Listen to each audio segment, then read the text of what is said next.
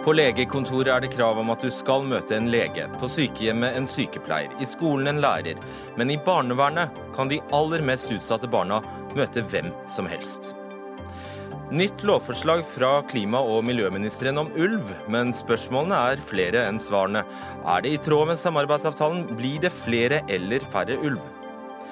Mann banket utro kone i Stavanger. Retten mener han ble berettiget harm og ga ham strafferabatt. Og norske kvinner koser seg rett og slett for mye, og glemmer samfunnsansvaret, hevder Kadra Yusuf.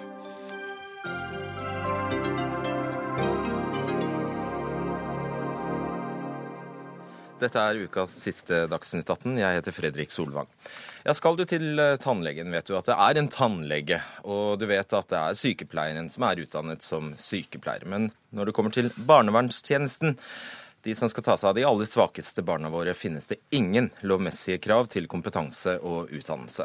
Og nå krever Fellesorganisasjonen at dette lovfestes i den nye barnevernsloven som er på trappene. Og bakteppet for at vi tar opp dette, er selvfølgelig den rystende rapporten om barnevernet i Søndre og Nordre Land i Oppland, der de brøt loven i 89% av sakene. Og Da skal vi understreke at det ikke på noen måte er konkludert eller sagt at det handler om kompetansenivå i den saken. Mimme Kvisvik, forbundsleder i eh, Fellesorganisasjonen. Du organiserer barnevernspedagoger og sosiologer. Hvorfor er det så viktig å lovfeste dette? Jeg organiserer barnevernspedagoger og sosionomer, så vi får rette opp det aller først. Da retter vi det først som sist. Eh, og jeg må jo også understreke innledningsvis her at eh, det er jo svært mange kompetente ansatte i de, kommunale barnevernstjenestene. Men det er jo som programlederen her sier, at eh, det er opp til hver enkelt kommune hvem man ønsker å ansette, og hvilken bakgrunn vedkommende skal ha. Og det er ikke noe kompetansekrav eh, sånn som det er i dag. Og det står jo i motsetning til eh, legetjenesten eksempelvis, for der må jo selvfølgelig kommunen ansette en lege. Og det samme burde jo helt klart gjelde barnevernet. Ja, hvorfor spurte jeg det? Hvorfor? Det er helt nødvendig for at vi skal være sikre sikre på at eh, den som får tjeneste, tjenester, må ha tjenester fra, fra barnevernet, skal møte eh, en som er kompetent, kompetent til å møte deg. For det skal jo ikke være noen forskjell på at man trenger helsehjelp og at man trenger barnevernstjenester. Også når vi snakker om barnevernstjenester, så kan det være snakk om liv og død. Det er i hvert fall snakk om barns framtid. Mm. Uh, Kai Morten Terning, du er statssekretær i Barne- og likestillingsdepartementet fra Fremskrittspartiet. Kommer dere til å lovfeste et kompetansekrav i den nye barnevernsloven? Nå er Det slik at uh, det nye forslaget til barnevernslov, eh, høringsfristen gikk ut 30.1, som er gått inn i å vurdere det er de ulike endringene som skal gjøres. Og før ting sendes ut på høring, så kommer dere med et høringsnotat der dere angir hva mm. dere vil det er slik at Vi hadde et offentlig utvalg på dette. Eh, det er deres innstilling som ble sendt ut eh, på høring, og de foreslo ikke at dette skulle lovfestes, verken utdanning eh, eller krav til kompetanse. Men det er ikke dermed sagt at ikke vi vurderer det. Jeg regner med at FO har sannsynligvis tatt opp dette i deres høringsuttalelse. Og jeg er helt enig om at vi må ha tydelige forventninger til kravet til de som jobber i tjenesten, den enkelte ansatt, men også hvilken kompetanse den enkelte tjeneste bør ha. Hva taler mot det? Altså, jeg er i utgangspunktet tilhenger av autorisasjon. Men det vi, ha, det vi, må vite, er hvilken kompetanse vi skal legge til grunn for den autorisasjonen. Og Derfor har vi satt i gang et arbeid som vi begynte med i fjor, med å kartlegge hvilken kompetanse vi skal ha. Det er direktoratet vårt godt i gang med. Og så må vi også gi de som jobber i tjenesten, en mulighet til å oppfylle disse kravene som vi eventuelt kommer med. Og Derfor trenger vi bedre og mer etter- og videreutdanning. Hvordan skal denne lovfestingen se ut, mener du, Kvisvik? Jeg mener at den lovfestingen eh, skal være veldig tydelig på hvilken kompetanse ønsker man i norsk eh, barnevern, og ser som nødvendig for den yrkesutøvelsen. Eh, og da sier jo vi at de som skal jobbe i det kommunale barnevernet, bør være barnevernspedagog eller sosionom. Og det Terning snakker om her, altså en autorisasjon på linje med det man har i helsevesenet, det regner jeg med henger sammen da med en, en sånn uh, lovfesting av en, uh, av en, norm. Eller unnskyld, en, en lovfesting av kompetanse.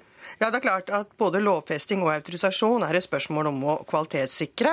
Eh, både kvalitetssikre knytta til eh, rekruttering og til den faktiske yrkesutøvelsen.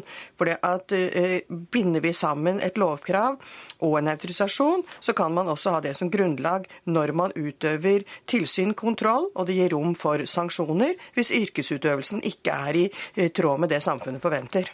Jeg, jeg, jeg, jeg, regner med at, jeg regner med at du er også enig i at det er også mange dyktige eh, barnevernsmedarbeidere rundt omkring i, i, kommunene som kanskje ikke har den utdanningen som du peker på. altså Enten er barnevernspedagog eller sosionom. De kan andre utdanninger, det kan være psykologer f.eks. Det kan også være andre som gjør en veldig god jobb. og De må også få en anledning da til å ta en videreutdanning. Og vi må også ta høyde for at det kan være andre yrkesgrupper som kan være en god hjelp inn i lokale barnevernet.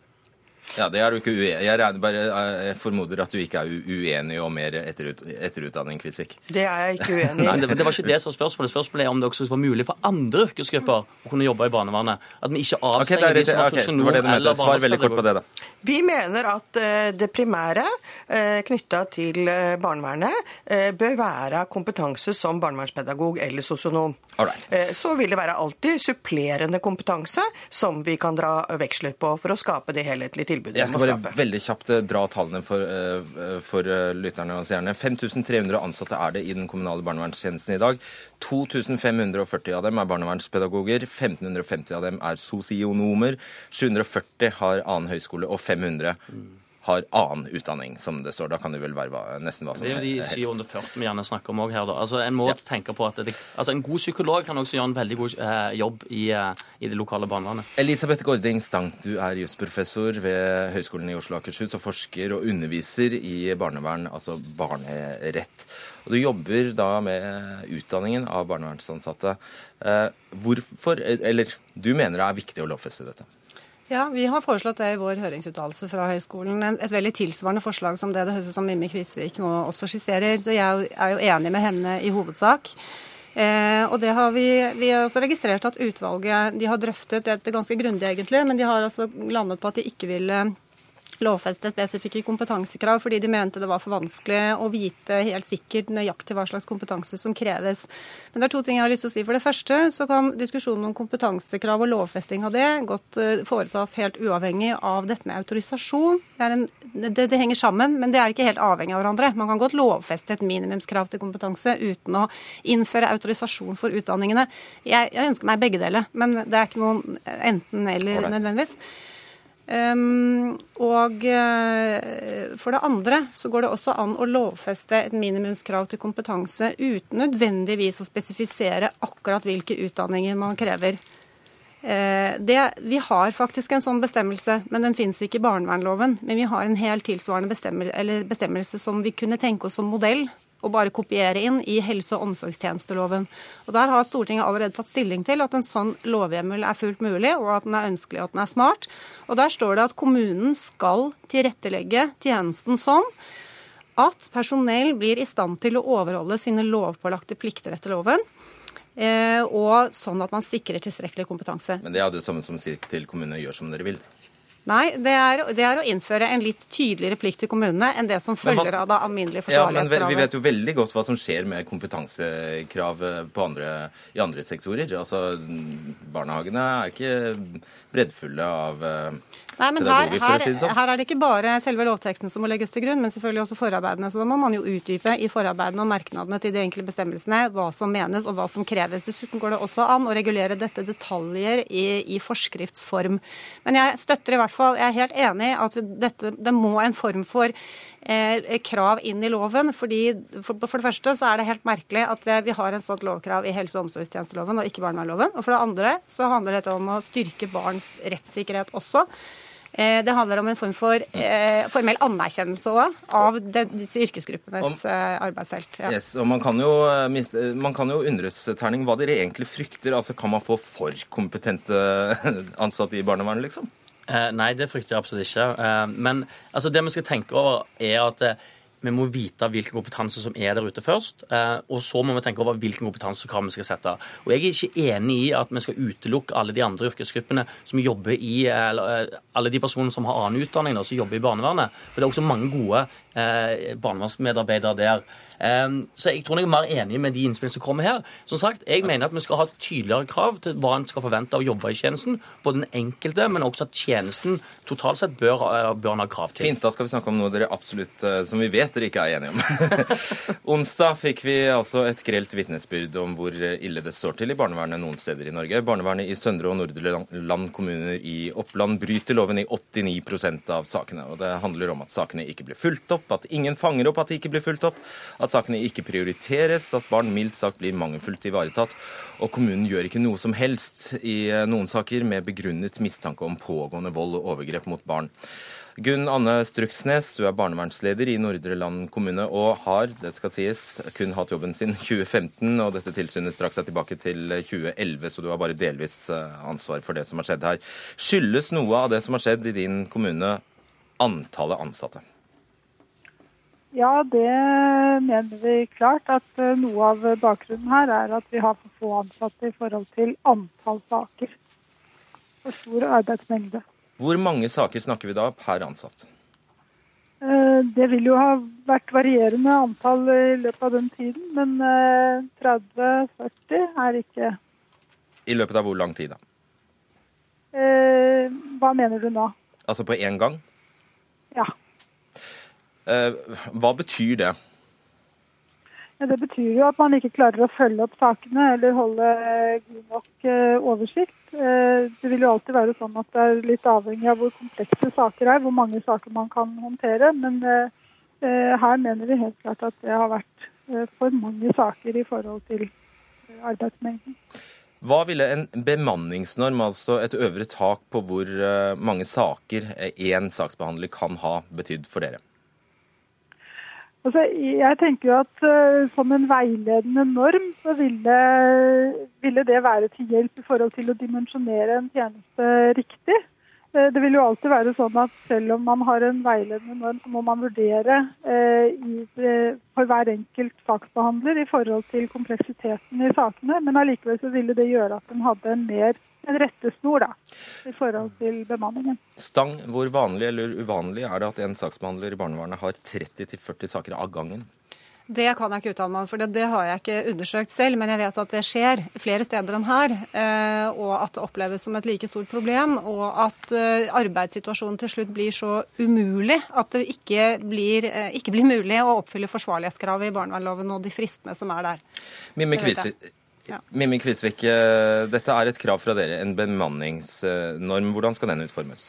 Nei, vi har sagt at uh, vi mener at det er nødvendig at man har en veiledende bemanningsnorm uh, i intervallet da 9-15 uh, saker samtidig. og det gjør vi jo på bakgrunn av at vi vet at det slett ikke er sjelden at enkeltansatte har 30-40 barn og familier samtidig som man skal følge opp. Sånn at den bør jo Eh, enten eh, være en del av loven eller en del av eh, forskriftsbestemmelser til barnevernloven. Og dette, Kai Morten Terning, må det være vanskelig å være imot? For det første så vil jeg begynne med å si at jeg mener det er veldig viktig at um, jeg tror du kan svare på spørsmålet. Ja, nei, ja men jeg tror, jeg tror, det er også veldig viktig at en er, er, er, i hver enkelt kommune, både politisk ledelse og amtsledelse, er opptatt av å lytte på barnevernet og ta med seg de innspillene de gjør, hvis de mener at de trenger høyere bemanning. Uten at jeg tar stilling til den enkeltsaken som er innom nå, den kommunen der. Men jeg har ingen tro på standardløsninger.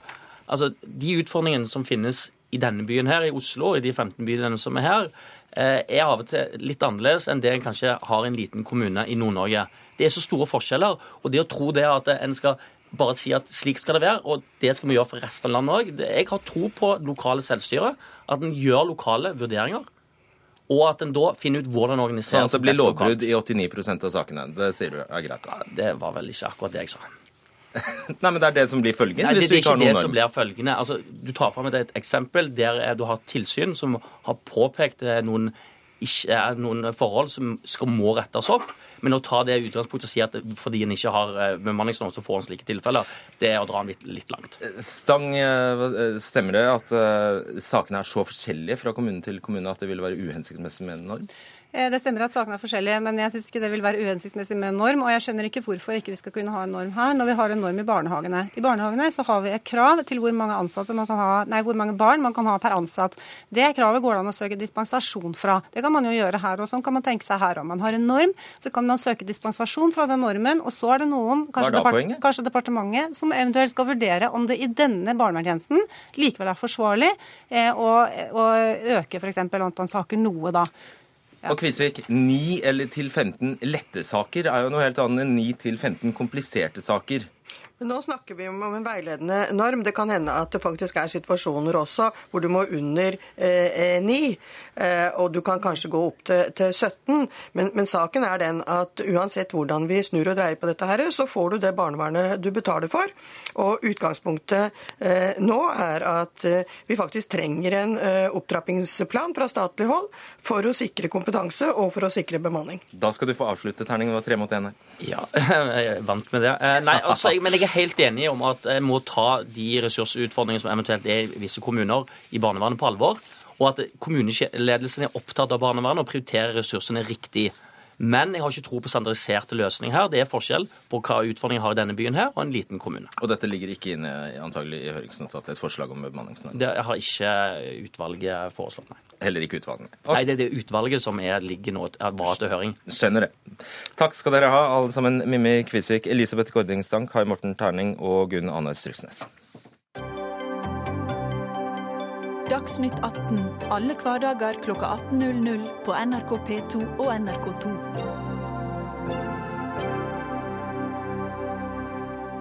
Regjeringen vil endre naturmangfoldsloven om lisensfelling av ulv, bekreftet klima- og miljøminister Vidar Helgesen på en pressekonferanse i dag. Eh, hva sier eh, Han sier det vil føre til at det blir mulig å felle flere ulv. Men det er et narrespill, hevder Senterpartiet. Færre ulv kommer til å bli felt, sier de.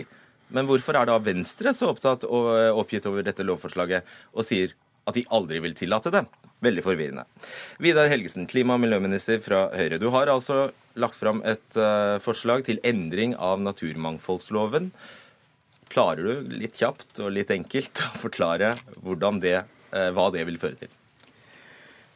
Det forslaget vil gi oss en ny hjemmel, og den vil gjøre det mulig å drive forvaltning også innenfor ulvesonen, fordi det er en hjemmel som ikke krever at det skal være skadepotensial. Det er det vilkåret i loven som har vært mye debattert i de siste månedene. Det har du nå nappet ut? Du har tatt det ut? Nei, det står der fortsatt. Men dette er en hjemmel som kan brukes utenfor det kravet. Og det er faktisk en hjemmel som er hentet rett inn fra Bernkonvensjonen, som er den internasjonale eh, traktaten som regulerer dette, og som er en forpliktelse for Norge. Den samme Bern, unnskyld at jeg avbryter, men den samme Bernkonvensjonen du i desember sa sto i veien, bruker du nå som en løsning? Eh, ja, dette er to veldig forskjellige spørsmål. Fordi eh, Bernkonvensjonen er eh, strengere enn naturmangfoldloven på noen områder. Men her snakker vi om at en bestemmelse fra Bernkonvensjonen Eh, av en eller annen grunn ikke ble tatt inn i naturmangfoldloven under den rød-grønne regjeringen. Og vi vet ikke hvorfor, men vi mener nå at den eh, bør tas inn, og den vil gi oss en ekstra hjemmel. Føre til flere eller færre ulv? Den vil føre til mulighet for å ta ut eh, flere ulv, selv om den er en hjemmel med begrensninger. Vi sier at den neppe kommer til å kunne ta oss ned til det nivået som rovviltnemndene i fjor ønsket å ta oss ned, men det vil gi en mulighet innenfor uh, ulvesonen til å drive forvaltning, en mulighet som i praksis er veldig vanskelig i dag. Ola Elvestuen, nestleder i Venstre, vil dette føre til at det kan skytes flere eller færre ulv? Det, formålet, er, er, formålet er jo å gi en fleksibilitet for å skyte mer ulv. Og det, er, og det er vi uenig i. Og, og, dette er jo også i strid med den samarbeidsavtalen som vi har, hvor det står helt klart at eh, en endring i natur, eller naturmangfoldsloven ligger fast. Og en endring i den eh, kan ikke regjeringspartiene gå inn for uten at man har en enighet med Venstre, og dette er vi imot. Hvordan kan du gjøre det da? Vi har jo hatt en god dialog med Venstre i, i for prosessen med å lage dette forslaget. Men den, ja, det har vi. Vi to, faktisk. Men vi har ikke kommet frem til en enighet. Men vi fortsetter den dialogen, men i Stortinget. Det er jo sånn at Stortinget satte en veldig knapp frist for regjeringen til å komme tilbake med en sak til Stortinget. Det var to ting vi, det er to ting vi kommer tilbake med der. Det ene er en bekreftelse av at den loven som nå gjelder, den kan ikke tolkes på noen annen måte enn det vi har tolket den på den måten vi har tolket den før. Men det andre vi da gjør, er å foreslå denne tilleggshjemmelen Eh, som en lovsak som Stortinget nå har til behandling. Og der vil dialogen med Venstre fortsette. Samarbeidsavtalen er et veldig viktig politisk dokument. Den har tjent Norge veldig godt ja, gjennom snart fire år. Mm, og vi mm. Syns den er eh, viktig fortsatt. Dere har altså hatt samtaler om dette, og så kommer du her i studio og sier dette er brudd på samarbeidsavtalen? Ja, vi har akseptert at man sendte ut forslaget på høring. Det har jeg også sagt tidligere, uten at vi har sagt at vi er enig i det. Når vi nå ser på høringsuttalelsene, så er det jo entydig imot å ja, gjøre endringer. Ja, det er greit, men hvis du sier det er brudd på samarbeidsavtalen, så har du jo bare ett å gjøre. Det er å bryte av samarbeidet. Nei, Det vi sier er at nå er dette ikke tråd med samarbeidsavtalen. Men det, samarbeidsavtalen er, en, er et samarbeid mellom fire partier. Og en endring av naturmangfoldsloven kan ikke skje uten Venstre. Så hva og gjør dere da? De fire, nei, dette er det da ledelsen i de fire partiene som må rydde opp i. Ja, og det er det vi som må rydde opp i. Så det blir ingen endring av dette, eh, sånn som dette nå foreligger. Og Det er jo sånn med Bernkonvensjonen at du kan ikke lage en større fleksibilitet med å ta uttak uten å ta den andre siden av Bernkonvensjonen, nemlig at du må ha en større bestand. Det er jo de to tingene som henger sammen. At du må akseptere at du har en høyere bestand av ulv, og da er det mulig å ha en større fleksibilitet. Du kan ikke bare gjøre den ene siden av dette, sånn som det som ligger i forslagene. Du får, får du til noen lovendring uten Venstre? Nå har vi eh, gjort det Stortinget har bedt oss om, et stort flertall i Stortinget har bedt oss om. Det er å klargjøre hva som nå er rettstilstanden. Der eh, har vi den samme vurderingen nå som vi hadde i desember. Eh, og så mener vi at det er naturlig å supplere naturmangfoldloven med en bestemmelse som altså kommer fra Bernkonvensjonen, der vi omtrent klipper og limer den bestemmelsen inn i naturmangfoldloven. Det er det vi foreslår. Det er en endring som kompletterer naturmangfoldloven. Ja, det er en endring. Du svarer på noe helt annet enn jeg spurte om. Det er en endring som eh, vi mener er fornuftig å gjøre. Eh, Elvestuen, han, eh, hvis vi, vi, vi, tror vi har telt riktig, og da kan han få Det er flertall på Stortinget. Trenger ikke Venstre. Ja, det er en samarbeidsavtale. Samarbeidsavtalen er eh, grunnlaget for det flertallet som vi har hatt i denne fireårsperioden. Og det er klart at Du kan ikke ta ut biter av den. Og Når vi her forhandla inn at vi ikke skal ha en svekkelse av naturmangfoldsloven, så er ikke, en, er ikke, det en detalj i den avtalen. Den er selvfølgelig en grunnleggende del av den samarbeidsavtalen. Så den ligger fast. Og det er de fire partiene eh, som uh, må bli enige. Og du kan ikke ha en endring uten at det er fire partier som er enige i det. Altså, hvis du nå får vedtatt eh, denne loven, Helgesen, på rekordtid, må man jo også tilføye, sånn at fellingen kan komme i gang i vinter, hvis det fremdeles er vinter, da. Eh, hvor mange ulv kan da bli felt, vil du tro? Dette er en hjemmel som dreier seg om å kunne ta ut et lite antall ulv på noen vilkår. Og eh, det er umulig, fordi dette er et skjønnsmessig uttrykk, så må man vurdere situasjonen konkret. Og det er umulig nå å abstrakt si at det og det tallet vil være aktuelt. Ja, men Vi begynte svenske, med 47, du den, sa 15. Hva vil du tippe? Jeg kan si at Den svenske dommen som har vært mye snakket om her, som kom lille nyttårsaften, eh, den bruker den tilsvarende eh, bestemmelsen og mener at et uttak på 11% av ulvestammen var innenfor. Men det er ikke mer enn en pekepinn. Eh, Hva betyr det i antall? I norske antall? Ja, det vil bety en ja, med de nye tallene, så er det jo, eh, som, som de mest oppdaterte tallene, så er, det, eh, så er vi jo tilbake på innenfor bestandsmålet. Men eh, sammenligner vi med tallene fra i fjor, så snakker vi vel om en Da ville 11 bety 9-10. Men som sagt, det er ikke en fasit, det er en pekepinn. Og det er fra en svensk dom som ikke kan dras rett inn i norsk rett. Men vi, okay, ja. vi snakker om en mulighet nå som ikke finnes i naturmangfoldloven til å også kunne drive forvaltning innenfor det, eh, ulvesonen. Ja, derom er det jo stor strid. da. Det skal vi bl.a. høre fra deg, Marit Arnstad, parlamentarisk leder i Senterpartiet. For uh, dere mener altså uh, ja, for det første at lovforslaget er helt unødvendig, uh, men at det endog vil føre til færre ulv. Hvordan det? Ja. Altså, jeg syns dette får litt sånn preg av sånt uh, narrespill. Uh, altså, Stortinget har jo bedt regjeringa om å sette i verk tiltak for å kunne oppfylle Stortingets vedtak om å få bestandsmålet ned når det gjelder ulv. Uh, Helgesen velger imidlertid å utfordre Stortinget på nytt. Han sier rett ut at den type brede samfunnshensyn som Stortinget ønsker skal legges vekt på, det skal ikke være et vurderingsgrunnlag for lisensjakt, eh, sier eh, regjeringa. Og det betyr jo at eh, den hjemmelen de nå har lagt inn i naturmangfoldloven, den er så smal eh, at den kommer jo faktisk i årene framover til å kunne til bety at du får eh, redusert uttaket av ulv, og at du får en bestands, bestand som er langt over det bestandsmålet Stortinget har sagt. Færre enn hva? Så regjeringa svarer. Ja, altså, eh, Stortinget ønska seg et bestandsmål ned på fire til seks ynglinger. Og Da sa rovviltnemndene at for å nå dit, så må du ta ut 47 ulv.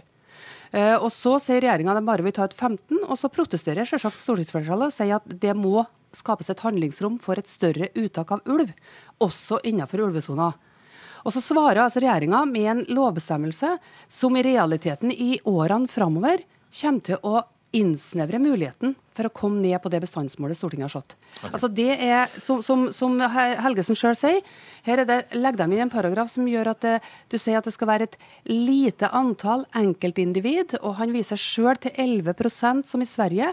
Altså Hvis du tar 11% av bestanden som et utgangspunkt, så vil, det, eh, vil du være langt ifra det som han sa 8-9. Stortinget. Mm. Ja, det vil, det vil, jo være langt ifra det som eh, er nødvendig for å nå det bestandsmålet Stortinget har sagt. Så det Helgesen gjør her, er at han fortsetter å prøve å se vekk ifra det stortingsflertallet faktisk har sagt om bestandsmålet for ulv. Og Det er, det med, er fryktelig synd for debatten, fordi det eh, bare skjerper konfliktene i denne saken. her, og Jeg tror vi kommer til å stå for, foran ødeleggende eh, diskusjoner også i tida framover, nettopp på grunnlag av det her. Og Hva er poenget ja du skal slippe til Elvesund, men hva er poenget Helgesen, med å legge fram nok et lovforslag som bare skaper enda mer, og nå er det full forvirring? Vi har gjort eh, det Stortinget ba oss om, som var å gå inn i lovmaterien på nytt og komme med en eh, grundig gjennomgang. Det vi har lagt frem i dag, er en veldig grundig gjennomgang. Jeg oppfordrer Arnstad til å lese hele eh, saken, fordi der vil hun se hvorfor vi mener at den lovtolkningen vi har lagt til grunn, er riktig. Loven er vedtatt av Stortinget, bestandsmålet er vedtatt av Stortinget. Det har vært en utfordring at de to ikke helt møtes. Og vi har nå gjort en jobb for å prøve å få de til å møtes bedre. Eh, gjennom det forslaget vi har lagt i Men ingen skjønner, dere er jo ikke enige om hva liten andel vil si? Det er altså en hjemmel som kommer i tillegg til de hjemlene som eksisterer i dag. Det vil gi oss en mulighet som vi ikke har i dag. Arnstad får jo svare for hvorfor den paragrafen ikke ble tatt inn i loven da hun satt i regjering, eller hennes parti satt i regjering. Vi mener at den nå bør tas inn. Og eh, tror at det vil gi oss noe større fleksibilitet. Mm. Elvesund, altså er, det, er, det, der skoen kommer til å trykke framover? At det er, det er, tatt inn en formulering om liten andel, som skaper så mye frykt i distriktene at, uh, at man kan ta ut flere? Det som er problemet er Senterpartiet vil jo fjerne all ulv. Eh, så det er nå én ting. Men ellers er det jo det flertallet som nå eh, med sitt bestandsmål på Stortinget, det som er deres problem, er at de bryter med loven. Fordi Stortinget har også vedtatt naturmangfoldloven, og vi har knytta oss til Bernkonvensjonen. Begge de to krever at du har et større antall ulv. Men denne diskusjonen understreker også hvorfor vi er så motvillige til å svekke loven. Fordi formålet er nettopp å gå ned på et, det som er et uakseptabelt lite antall uh, ulv i Norge. Kan kan, vil dere sekundært støtte dette, Arnstad? Om vi vil sekundært støtte den, denne endringa? Ja. Nei, ikke sånn som den nå foreligger, fordi vi støtter ikke forslag som kommer til å begrense muligheten for uttak av ulv i årene framover. Selv om det, det ville medføre faktisk økt uttak i forhold til de 15? Jo, men altså, De 15 er jo langt unna det Stortinget har ønska at du skal eh, gjennomføre av bestandsreduksjon når det gjelder ulv. Og Det Helgesen og regjeringa ikke kommer unna, er at de rett og slett her avlyser stortingsflertallets politikk og, sier, og, og setter det til side. Og Det kommer ikke Senterpartiet til å godta, og det håper jeg også at det resterende flertallet på Stortinget ikke vil godta. For det er jo ikke sånn at det finnes én en enhetlig forståelse av hvordan du skal tolke Bernkonvensjonen og naturmangfoldloven her. Mange av av oss vil jo mene at Bernkonvensjonen gir en åpning for eh, en brei samfunns, eh, altså brei interesseavveining når det gjelder samfunnsmessige hensyn, som regjeringa ikke har benytta seg av muligheten til å ta inn også i lovverket. Men, og det blir så mange flere... I stedet så har regjeringa valgt et helt ja. annet type alternativ, som da begrenser og ikke besvarer Men heldigvis har vi et sterkt lovverk i Norge, og det er viktig å holde fast ved. Vi fortsetter i neste ulverunde, for det blir flere. Takk skal dere ha, Vidar Heggesen, eh, Ola Helvestuen og Marit Arntzen.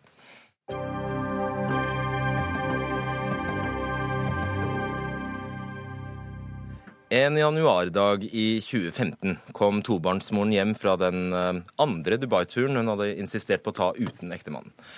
Hun hadde vært avvisende siden hun kom hjem, og han mistenkte noe var galt. Mens hun sov, førte han fingeren hennes til telefonen og fikk åpnet den. Og der lå det bilder av at hun var utro med en annen mann. Ektemannen banker henne opp, drar henne etter håret og sparker henne. To år etter gir Stavanger tingrett mannen strafferabatt fordi han handlet i berettiget harme, skriver Dagsavisen. Og da eh, har vi vel egentlig sagt at hvis du er utro, må du passe deg, og vold er eh, greit. Sara Eline Grønvold, jurist i, eller leder i JURK, juridisk rådgivning for kvinner. Du har selv jobbet som eh, forsvarer. Denne 36 år gamle mannen fikk altså da 30 timers samfunnsstraff eh, mot 75 dagers fengsel, som var påstanden fra aktoratet.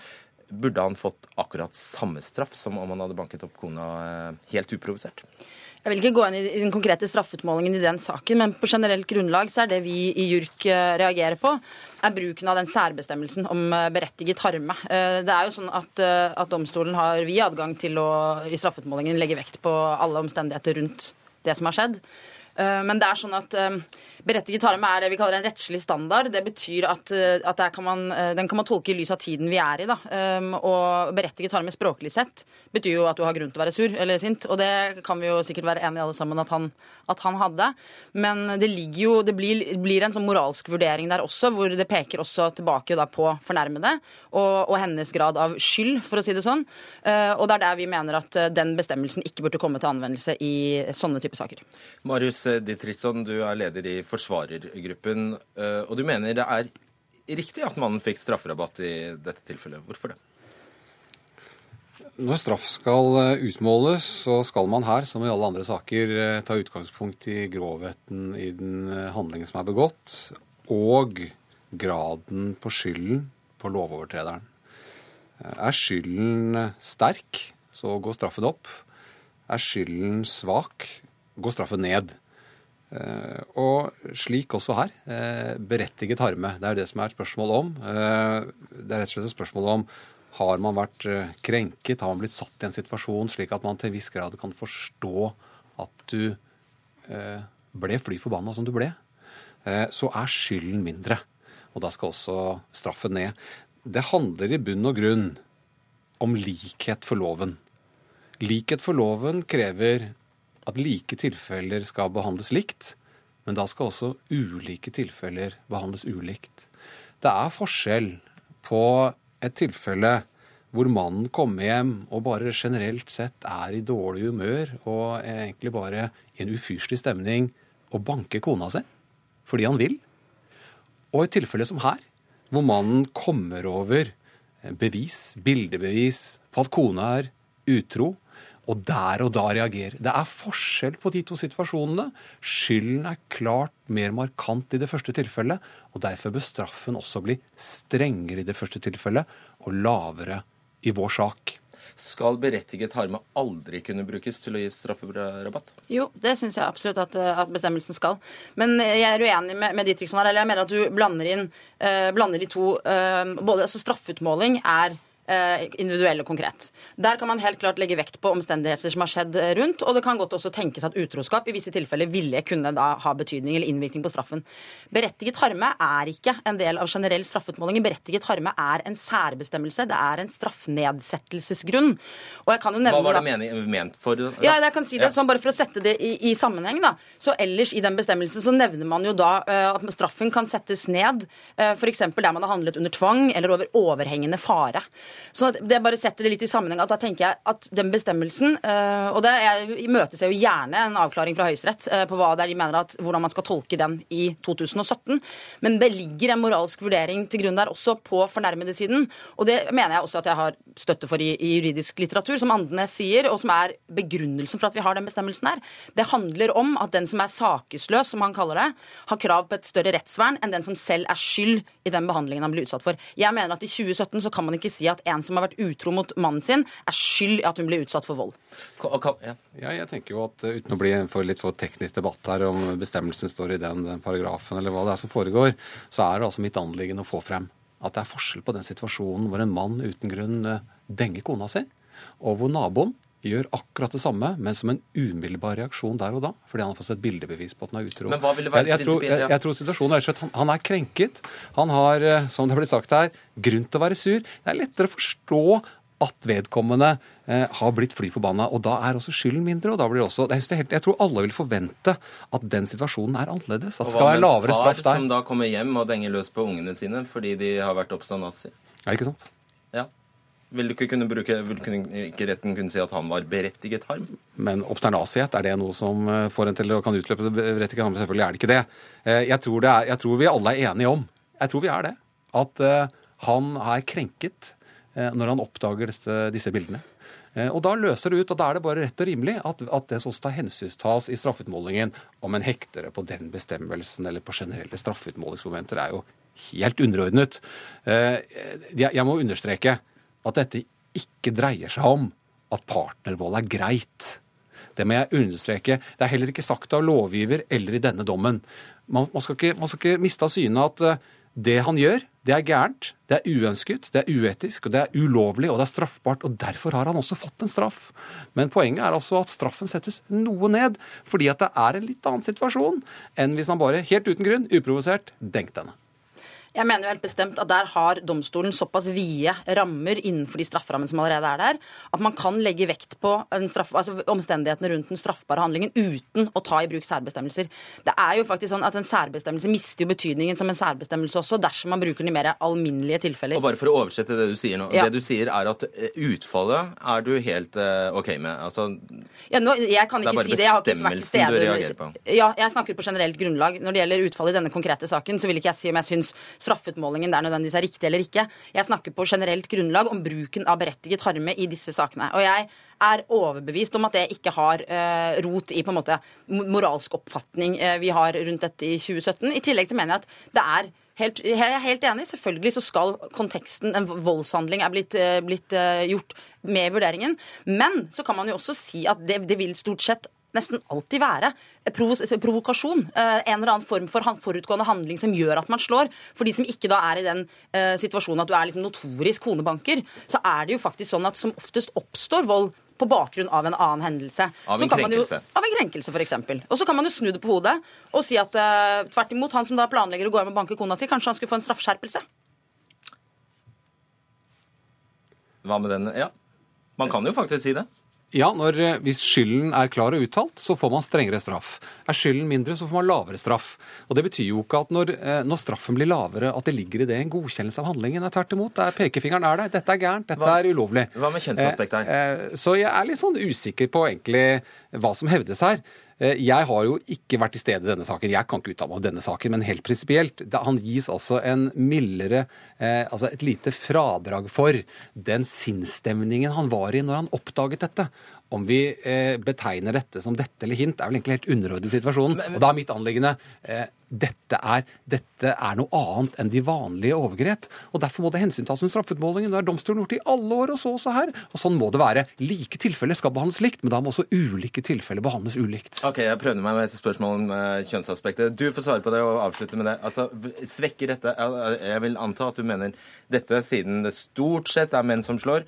Eh, svekker kvinners rettssikkerhet. Ja, det mener jeg at det gjør. Eller rettsvernet, i hvert fall. Og jeg mener også at det er viktig eh, å huske på, og det ser vi daglig hos JURK, veldig mange som er utsatt for vold, opplever selv unnskylder det nettopp med de har opptrådt provoserende på forskjellige måter. Og jeg mener at det domstolen gjør her ved å velge den bestemmelsen Jeg kritiserer ikke at man legger vekt på omstendighetene rundt og eventuelt kommer til en mildere straff. Men det å bruke den bestemmelsen her er med på å si at provokasjoner på den måten her da gjør at du faktisk fortjener det. Nei, vold er galt, vold er straffbart, og det skal straffes, og det ble også han her. Ja. Det er ikke riktig, men altså skylden i de konkrete tilfellene er noe mindre. Derfor litt lavere straff. Takk. Sara Line Grønvold og Marius Ditriksson.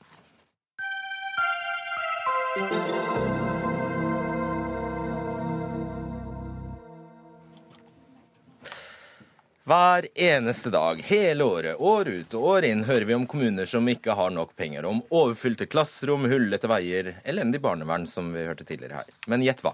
2016 ble et fett år for norske kommuner. Samlet netto driftsoverskudd i norske kommuner og fylker utenom Oslo ble om lag 16 milliarder kroner, eller mellom 4,2 og 4,4 og når kommunene har så mye penger, da er det vanskelig å rettferdiggjøre eiendomsskatt, mener du, Helge André Njåstad, stortingsrepresentant og leder for kommunal- og forvaltningskomiteen fra Fremskrittspartiet. Ja, vi i Fremskrittspartiet syns jo det er synd at når vi setter ned skattene fra Stortinget og regjeringens side, så øker kommunepolitikerne skattene med å påføre stadig mer eiendomsskatt for innbyggerne sine. Eh, og når man ser de tallene som man nå ser, man må faktisk tilbake til forrige årtusen for å finne et bedre resultat for Kommune-Norge enn da man fikk i 2016. Eh, det er milliardbeløp i overskudd, over 4 eh, så må det jaggu meg være rom for at en kommune kan sette ned eller fjerne eiendomsskatten. Så jeg vil oppfordre alle kommuner i Norge nå til å bruke det handlingsrommet til å kunne gi innbyggerne litt mindre skatter. Og, og skatt på hjemmet deres er jo en usolidarisk ordning som altfor mange kommuner har, som jeg mener at nå er det i fall, kan man ikke skylde på dårlig kommuneøkonomi for å innføre eiendomsskatten. Men det er vel verken din eller Stortingets fortjeneste at kommunene får disse 16 milliardene? Eh, det er tre forhold spesielt som henger sammen. Gode skatteinntekter som skyldes at innbyggerne i Norge betaler eh, mer skatt fordi Norge har gått godt, eh, er en grunn. Kommunene har drevet bra, effektivt og har gått med overskudd. Men så henger det òg sammen med at regjeringen og stortingsflertallet har vært sjenerøse med kommunene gjennom å gi dem mer hvert eneste år. Eh, de rød-grønne sa jo når eh, perioden starta at det kom til å bli sultefòring. Eh, nå ser vi fasiten. Det har aldri gått bedre i kommuner i, i dette århundret. Hvis de får 16 milliarder i pluss, så har du jo gitt dem for mye, da. Eh, nei, vi, gir de penger for at de skal kunne klare seg uten å kreve så mye eiendomsskatt som de gjør, og at de skal kunne styrke eldreomsorgen, skole, barnehage og viktige velferdstjenester til innbyggerne i Norge. Dag Inge Ulstein, du er fungerende byrådsleder i Bergen kommune fra Kristelig Folkeparti. Dere i Bergen fikk et netto driftsresultat på nesten 1,1 milliard. Det er også godt over landsgjennomsnittet. Hva er det som foregår der borte? Nei, For oss har det vært utrolig viktig å ha et godt resultat. og det er klart at Eiendomsskatten er jo aldri et mål i seg sjøl. Men eh, for Bergen sin del så er det avgjørende for at vi skal kunne prioritere det vi ønsker å prioritere best, og det er god eldreomsorg. og Pusse opp og bygge nye skoler og holde orden i økonomien. Og For Bergen sin del så er og jeg tenker at det er gode resultat i kommunene. Så må en òg se på den gjelda som har bygd seg opp, eh, den pensjonsutfordringa som veldig mange store kommuner har. Og jeg har lyst til å si at En i alle fall bør være veldig oppmerksom før en begynner å dra opp drifta rundt i kommunene. Eh, når vi vet av utfordringene som vi har foran oss, og at veldig mange av de inntektene som kommer i år, er engangseffekter av at en endrer utbyttebeskatninga. Forklar det, Så, eh, Forklar det veldig kort. her, Nei, For Bergen sin del så er den største enkeltposten som, som, som kom inn knytta til, til, utbytteskatt. Og det er jo klart at Den ekstra utbyttet som en del av de aksjonærene tok ut av, det vil jo kunne være mindre inntekt i de åra som, som, ligger foran. Så Hvis vi da skulle brukt de midlene nå, Eh, så ville vi kunne måtte kutte i viktige tjenester uten at vi fikk eh, utreda konsekvensene for det. Og, det, og for Bergens del, det, jeg må bare ja. si det, fordi at det, det, som er grunnen til at vi har eiendomsskatt i Bergen, det var at Høyre og Fremskrittspartiet eh, ble nødt til å gjeninnføre eiendomsskatten fordi at vi hadde en så krevende og sårbar økonomi. Vi hadde helt bunnskrapte reservekontoer. Vi hadde over 2 milliard i pensjonsetterslep, pensjonsgjeld, og vi har et enormt etterslep på, på vedlikehold i skolen skolene. Så vi har nødt til å bruke de neste 10-15 åra på å, å, gjenvinne. Og når vi okay. har null i kassa, så trenger vi gode resultater. Skjønner det. Du behendig eh, unngikk å eh, komme med kanskje hovedforklaringen her, Njåstad, nemlig skattereformen? Eh, jeg sa jo da at det var tre forhold, og at skatteinntektene, som var langt over det som var stipulert, er en av forklaringene. Men det er langt fra hele bildet. Man har økt med, med frie inntekter til kommunene hvert år med milliardbeløp, og kommunene har Ja, Men da er det en eh, engangsfordelelse? Det er penger? Nei, det er ikke en engangsinntekt at man har gode skatteinngang, og at man har Det er på en måte hovedregel har vært de siste årene at kommunene har alltid fått større skatteinntekter enn det som har vært stipulert, fordi det har gått bedre enn det man har lagt til grunn. Så kan det kan det godt hende det er klokt å ikke legge til grunn at man vil få like god skatte, mer skatteinngang enn det som ligger i, i framtida. Da må jeg bare si, for, for Bergens del så er den underliggende skatteveksten altså den er på under 0,3% altså Det er nesten en, en null eh, skattevekst. Så hvis du tenker på den arbeidssituasjonen, næringslivet og utfordringene her i vest, sammenlignet med den underliggende skatteveksten, som ikke handler om den engangseffekten, så bør vi faktisk eh, rope varsko. Og Det handler ikke om å dra opp drifta rundt kommunene, men det handler om å rigge seg slik at vi kan levere gode tjenester og eh, framover. Ålreit. Tor A. Voldstedt, du er gruppeleder for eh, FrPs bystyregruppe i Bergen kommune. Og da du satt ved roret, eh, ble faktisk eiendomsskatten begravet i Bergen, og så gjeninnførte dere den, gitt. Hva er annerledes i dag? Nei, altså det som Det var jo en, eh, en, litt trist historie, fordi at det var jo rot og kaos frem til 2003, hvor det ble et regjeringsskifte og vi fikk en borgerlig regjering i Bergen igjen. Eh, det var én milliard i underdekning, og det var i tillegg én milliard kroner i regninger som ikke var bokført og betalt til okay. pensjoner til, til offentlige Nei, Vi sier det var snøen som falt i går, men er du enig med Njåstad i dag? Jeg er enig med Njåstad i at eiendomsskatt er ikke noe god ting. Og eiendomsskatt er ofte en hvilepute for kommuner som gjør det at de, Vi vet jo alle det, har du mye penger, så er det ikke så nøye. Har du mindre penger, så er det viktig at eh, snu på skillingen for å få tingene til å fungere. Det er viktig at kommunene har en god styring på økonomien, slik det at man ikke kommer feil ut. Vil du fjerne den? Ja, vi har jo sagt det at når vi innførte den, så var det for å ta igjen et kjempevedlikeholdsunderskudd på alle skolebyggene i Bergen. Og for at skolebarna skulle ha en trygg og god plass å være, så måtte vi nesten gjøre det. Og for å få penger til det, så måtte vi innføre eiendomsskatt. Men vi sa også at den skulle avvikles med en gang man var ferdig. Så er det en ting til også. Det overskuddet som Bergen har i år, på 1,1 milliard kroner, det er jo overskudd fordi man ikke har gjennomført en del investeringer som lå i budsjettet. De budsjetterte ikke med 1,1 milliard i overskudd, men det ble det slik sier nå? Det overskuddet som ligger i Bergen kommunes sitt regnskap, det var jo fordi at man bygget mindre enn det det var budsjettert for. Derfor fikk man det store overskuddet. Ulstein, man har ikke, dere har, dere har 1,1 milliarder på bok fordi dere ikke greier å bruke opp pengene? Ja, Tor Voldseth vet bedre enn som så at det er ikke tilfellet. Den største enkelteffekten er knytta til, til, utbyttebeskatning. Så er det slik at For å bremse gjeldsveksten så ønsker vi å ha en forutsigbar eh, investeringsportefølje. Eh, og vi prøver å dra ned den gjeldsveksten som er. Og vi har faktisk en høyere gjennomføringsgrad enn det en hadde for to år tilbake. Når vi tok over, KrF, Arbeiderpartiet og Venstre sammen, så lå altså Bergen kommune på 368.-plass av landet sine 428 kommuner på, på de viktigste økonomiske nøkkeltallene. Altså desidert dårligste av storbyene. Og det betyr at vi er helt nødt til å, å bremse gjeldsveksten, få en større del av egenfinansiering. Altså bruke det overskuddet som da Frp snakker om her, driftsresultatet for, for gangen, uh, Det er noe helt annet enn det budsjettet de la frem. Der lå de frem et budsjett med de og de tingene som skulle gjennomføres når det gjaldt vedlikehold, bygging av sykehjem, bygging av skoler osv. Så, så har det blitt forsinkelse i det. Eh, det er ikke et eneste sykehjem som, er, som har effekt på 2016-budsjettet. Jeg må ikke fortelle at det er 1,1 milliarder du har fått i utbytte. Er det det du har fått da? For du budsjetterte ikke med det i, i budsjettet ditt når du la det frem. Hvorom allting er, eh, Dette viser jo i det minste Njåstad, at det er, eh, hvis det fremdeles er 428 kommuner i her landet Jeg er, litt usikker etter hvert. Ja. 426 nå. Okay, 426, noterer det. 426. Ja. ja. Men da er det helt sikkert 426 Nå er det ikke så mange som har eiendomsskatt, men det er jo like mange kommuner som har det, som det er grunner til å ha det. Ja, det er godt mulig. Men eh, den viktigste grunnen er jo at man velger å unnlate å ta effektivisering som, eh, som, man kunne gjort. Hvis man ser på de kommunene som klarer seg uten eiendomsskatt, så lærer man veldig masse.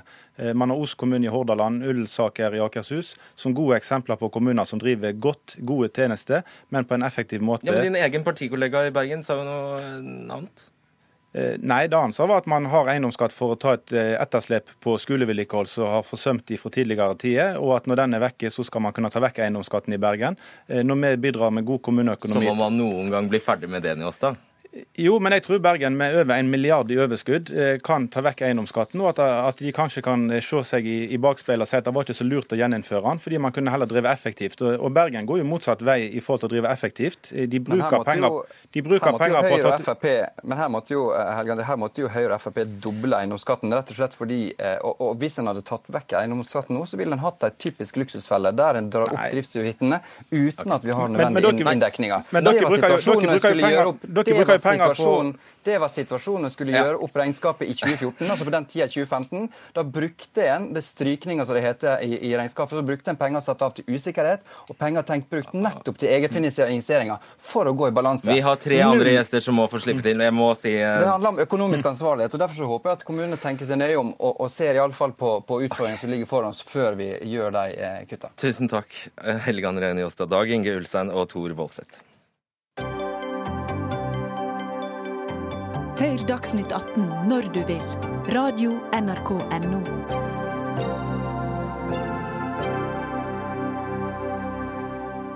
Skribenten Kadra Yusuf kaster inn en brannfakkel noen dager før kvinnedagen 8. mars. I en kronikk i Dagsavisen skriver hun at norske kvinner er for opptatt av å kose seg framfor å engasjere seg i samfunnsdebatten. Og hun kritiserer også kvinneblader og kvinnelige bloggere for å være for lite opptatt av samfunnsaktuelle temaer.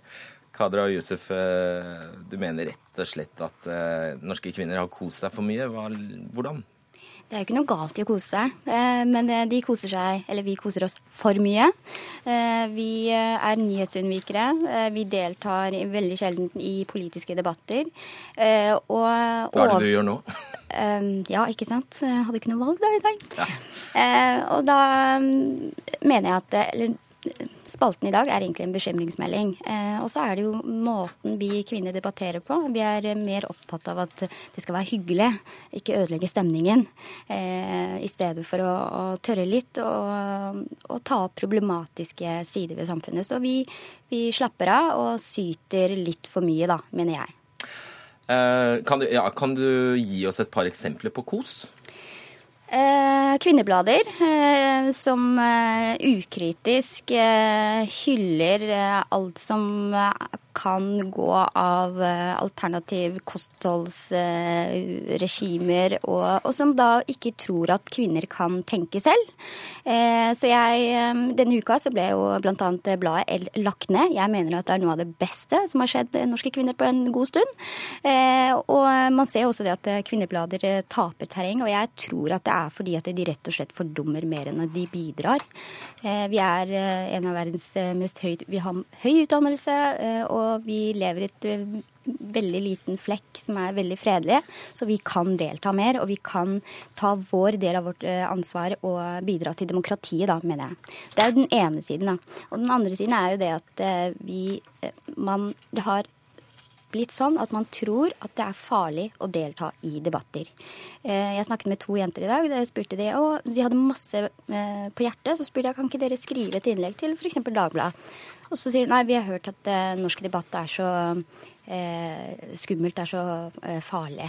Og jeg lurer på om vi har også overselger det, da, hvor, hvor, skummelt det er for kvinner å delta i offentlige debatter. For det er det ikke nødvendigvis alltid.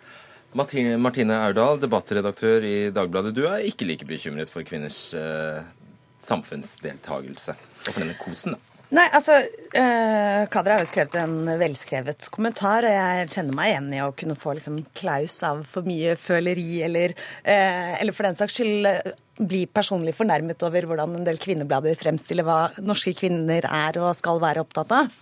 Men jeg mener jo at eller jeg stusser rett og slett litt på at denne kritikken kommer akkurat nå. Eh, når det store bildet er stikk motsatt av slik eh, jeg opplever at du framstiller det, Kadra. Eh, hvor det politiske engasjementet blant kvinner er bredere og sterkere enn noen gang tidligere. For en måned siden gikk seks millioner kvinner over hele verden i demonstrasjonstog etter innsettelsen av Donald Trump. Det er større demonstrasjoner i USA enn mot Vietnamkrigen. Her i Norge har 8. mars-demonstrasjonene de siste årene eh, vært større enn det de var på 70-tallet. Sterkere enn noensinne. Og eh, kvinnebevegelsen, skeibevegelsen, antirasistiske bevegelsen eh, jobber sammen for å bekjempe alle mulige former for diskriminering. Jeg var senest i går på et stappfullt møte på Mira-senteret om akkurat det. Og, og også disse unge kvinnene som, som da noen av dem er opptatt av eh, mindfulness og, og skir nyheter, eh, så viser jo den samme undersøkelsen som Kadra viser til i sin kommentar, eh, at også disse unge, litt kunnskapsløse, engasjerer seg i politiske debatter i en helt annen grad enn det de eldre er. Så jeg mener jo at det lover veldig godt for framtida. Jeg vil gjerne påpeke det at ja, seks millioner kvinner dukket opp på en demonstrasjon etter valget. Eh, så eh, vi er veldig gode på å mobilisere, men vi er ikke nødvendigvis gode på å være der det skjer, når det skjer. Og det er jo det som er problemet. Når vi ikke deltar i politiske debatter og ikke er i de rommene der politiske beslutninger og viktige beslutninger blir tatt, så eh, kan vi ha oss sjøl etterpå og, og, angre på det. Og det er vi gode på. Vi er veldig gode på å angre og syte etterpå. Sorry. Flere kvinner enn noen gang er jo nettopp til stede der hvor beslutningene blir tatt. Eh, kvinner er i sterkere maktposisjoner enn noen gang tidligere. Og så er jeg helt enig med deg i at eh, ikke, ikke, alt dette uh, synes like godt i mediene eller i de sosiale mediene, i de politiske debattene der. Og det er det jo flere grunner til. Og det kan man godt diskutere hvorfor det er slik. Og det er en stor diskusjon. Torunn Pettersen, sjefredaktør eh, i Tara. Da blir du representant for et av disse kvinnebladene som Josef eh, tar et oppgjør med. Du ser vel poenget hennes? Altså, Jeg syns jo det hun skriver er veldig interessant, men jeg kan ikke si at jeg sitter og føler meg sånn veldig truffet på vegne av det magasinet jeg er redaktør for. Men jeg er jo enig i at eh, klart det er jo et mediebilde der ute som vi prøver jo, altså For vår del så prøver jo vi å gjenspeile det som er vår målgruppes hverdag. og Vi er et magasin for voksne kvinner, for 40 pluss-kvinner. Og vi har en meny som er langt bredere enn det du har skrevet i dag i din eh, kronikk. Så Jeg sitter her med forsiden eh, på tara.no. Mm. Det er altså eh, Jeg føler Theas nærvær, det er nydelig blomkålsuppe, det er smart triks som gjør appelsinjuicen mye sunnere. Det er mm. sånne ting. Ja, det er helt vanlige det, ingredienser. Men det er også det er en bredde, det er en meny som representerer også det som er vanlige kvinners hverdag. Og som er eh, gode forbilder som eh, også oppfordrer veldig mange kvinner til å tørre å stå fram, tørre å stå opp, tørre å si ting høyere. Så vi er også opptatt av å finne eh, viktige stemmer som er tydelige, som vi mener da, i vårt magasin. Og et godt råd om ikke å droppe, eller hvorfor du ikke bør droppe frokosten. Hvem har det skadet? Nei, altså det er øh, Det skader jo ingen. Eh, og det er jo ikke det som er problemet, at man, ikke, at man både skal spise sunt og være kose seg. Det er ikke det der problemet ligger, eh, Fredrik. Men når ikke vi er eh, engasjert, så eller deltar eller bare koser oss, og jeg nevner jo bl.a. at vi topper på interiør, på, på koseblogger, på strikkeblogger, på mammablogger, på rosablogging, men vi har veldig få samfunnsbloggere og samfunnsdeltakelse. Og jeg mener jo at det er veldig rart at ellers i verden så har, eh, er bloggtendensen annerledes. At flere skriver om samfunnet rundt, mens her skriver vi Kanskje bare om frokost. Kanskje det er mer prekære samfunnsforhold der, da? Tara har en utrolig bra blogger.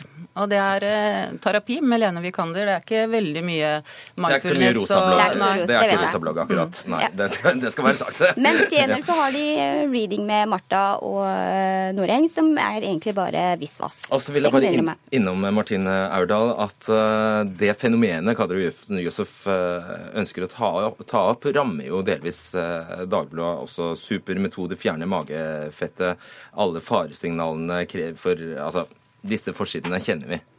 Ja da, vi skriver også temasaker og helsejournalistikk eh, i Dagbladet, samtidig som noe av det eh, mest engasjerende stoffet på dagbladet.no og i sosiale medier er jo nettopp eh, meningsbærende stoff og, og tunge politiske saker. Og det er masse unge kvinner som skriver inn til oss hver eneste dag. Det er ikke det som selger avisa, vel?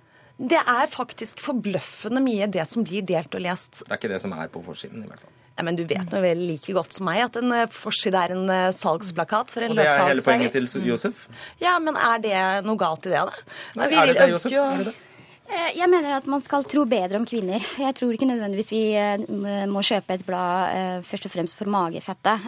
Og så tror jeg altså at vi må snakke tenke bredere på debattkultur. Og jeg, eh, ofte så sier man at det er tøffere for kvinner å være i den offentlige debatten. Og der mener jeg at istedenfor å bare si det og liksom bygge under kosen, så må man lage en bedre eh, ramme for det. Da må eh, eksterne skribenter f.eks. få bedre oppfølging, og, og, så må man roe ned på pupper og lår og frokoster. 15 sekunder på vei. Ja, men det er helt klart at vi i mediene har et ansvar for å legge til rette for å skape et klima der unge kvinner føler det er trygt å uttale seg. Nå ser vi bl.a. på Facebook at de ofte eh, diskuterer storpolitiske saker saker i lukkede forum. Men vi er, vi er Vi vet at, norske, at, kvinner får en annen og tøffere behandling av offentligheten. Men vi er iallfall opptatt av å gi et breddebilde, og det er ikke så unyansert som det du sier. Det er iallfall helt sikkert. Da håper jeg å se det på tallene, på tallene på neste runde på Nyhetsunnvikere. Og så syns jeg denne debatten vitnet om at eh, det ikke er fullt så svart som det skal til, Kadra. Takk skal dere ha, i hvert fall. Denne Dagsnytt 18-sendingen er over. Ida Tune Øresland, Erik Sandbråten og Fredrik Solvang ønsker god helg.